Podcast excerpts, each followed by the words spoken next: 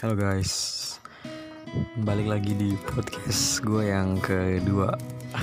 Kali ini gue cuman mau bacain uh, salah satu isi di buku diary gue yang intinya sih uh, apa yang gue rasain selama lima bulan ke belakang. Nama dia Fulanah binti Fulan. Di saat virus COVID-19 melanda dunia, di saat itu juga hati gue dilanda virus cinta.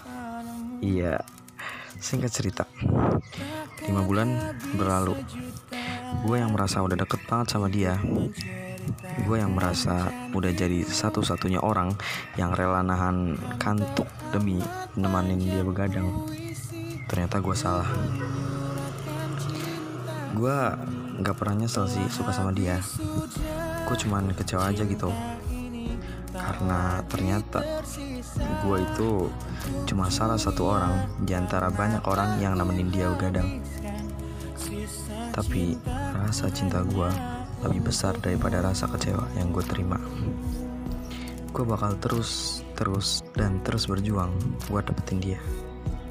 Kalau gue nyerah di tengah jalan sia-sia dong perjuangan gue selama lima bulan ini. Gue yang bahkan rela kabur cuma demi ketemu dia. Dan itu juga ketemu cuma beberapa menit doang. Anjing tapi nggak apa-apa lah. Yang penting gue bisa lihat senyum hangatnya langsung. Langsung tatap muka untuk pertama kalinya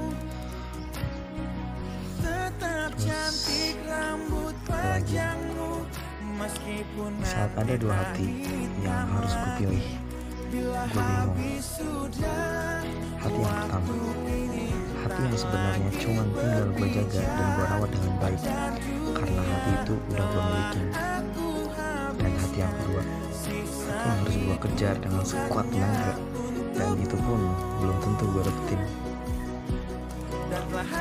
Bahkan sampai sekarang gue belum dapet hati itu ah dan anehnya kenapa gue harus pilih yang kedua kenapa gue gak pilih yang pertama ya? Ada cinta emang buta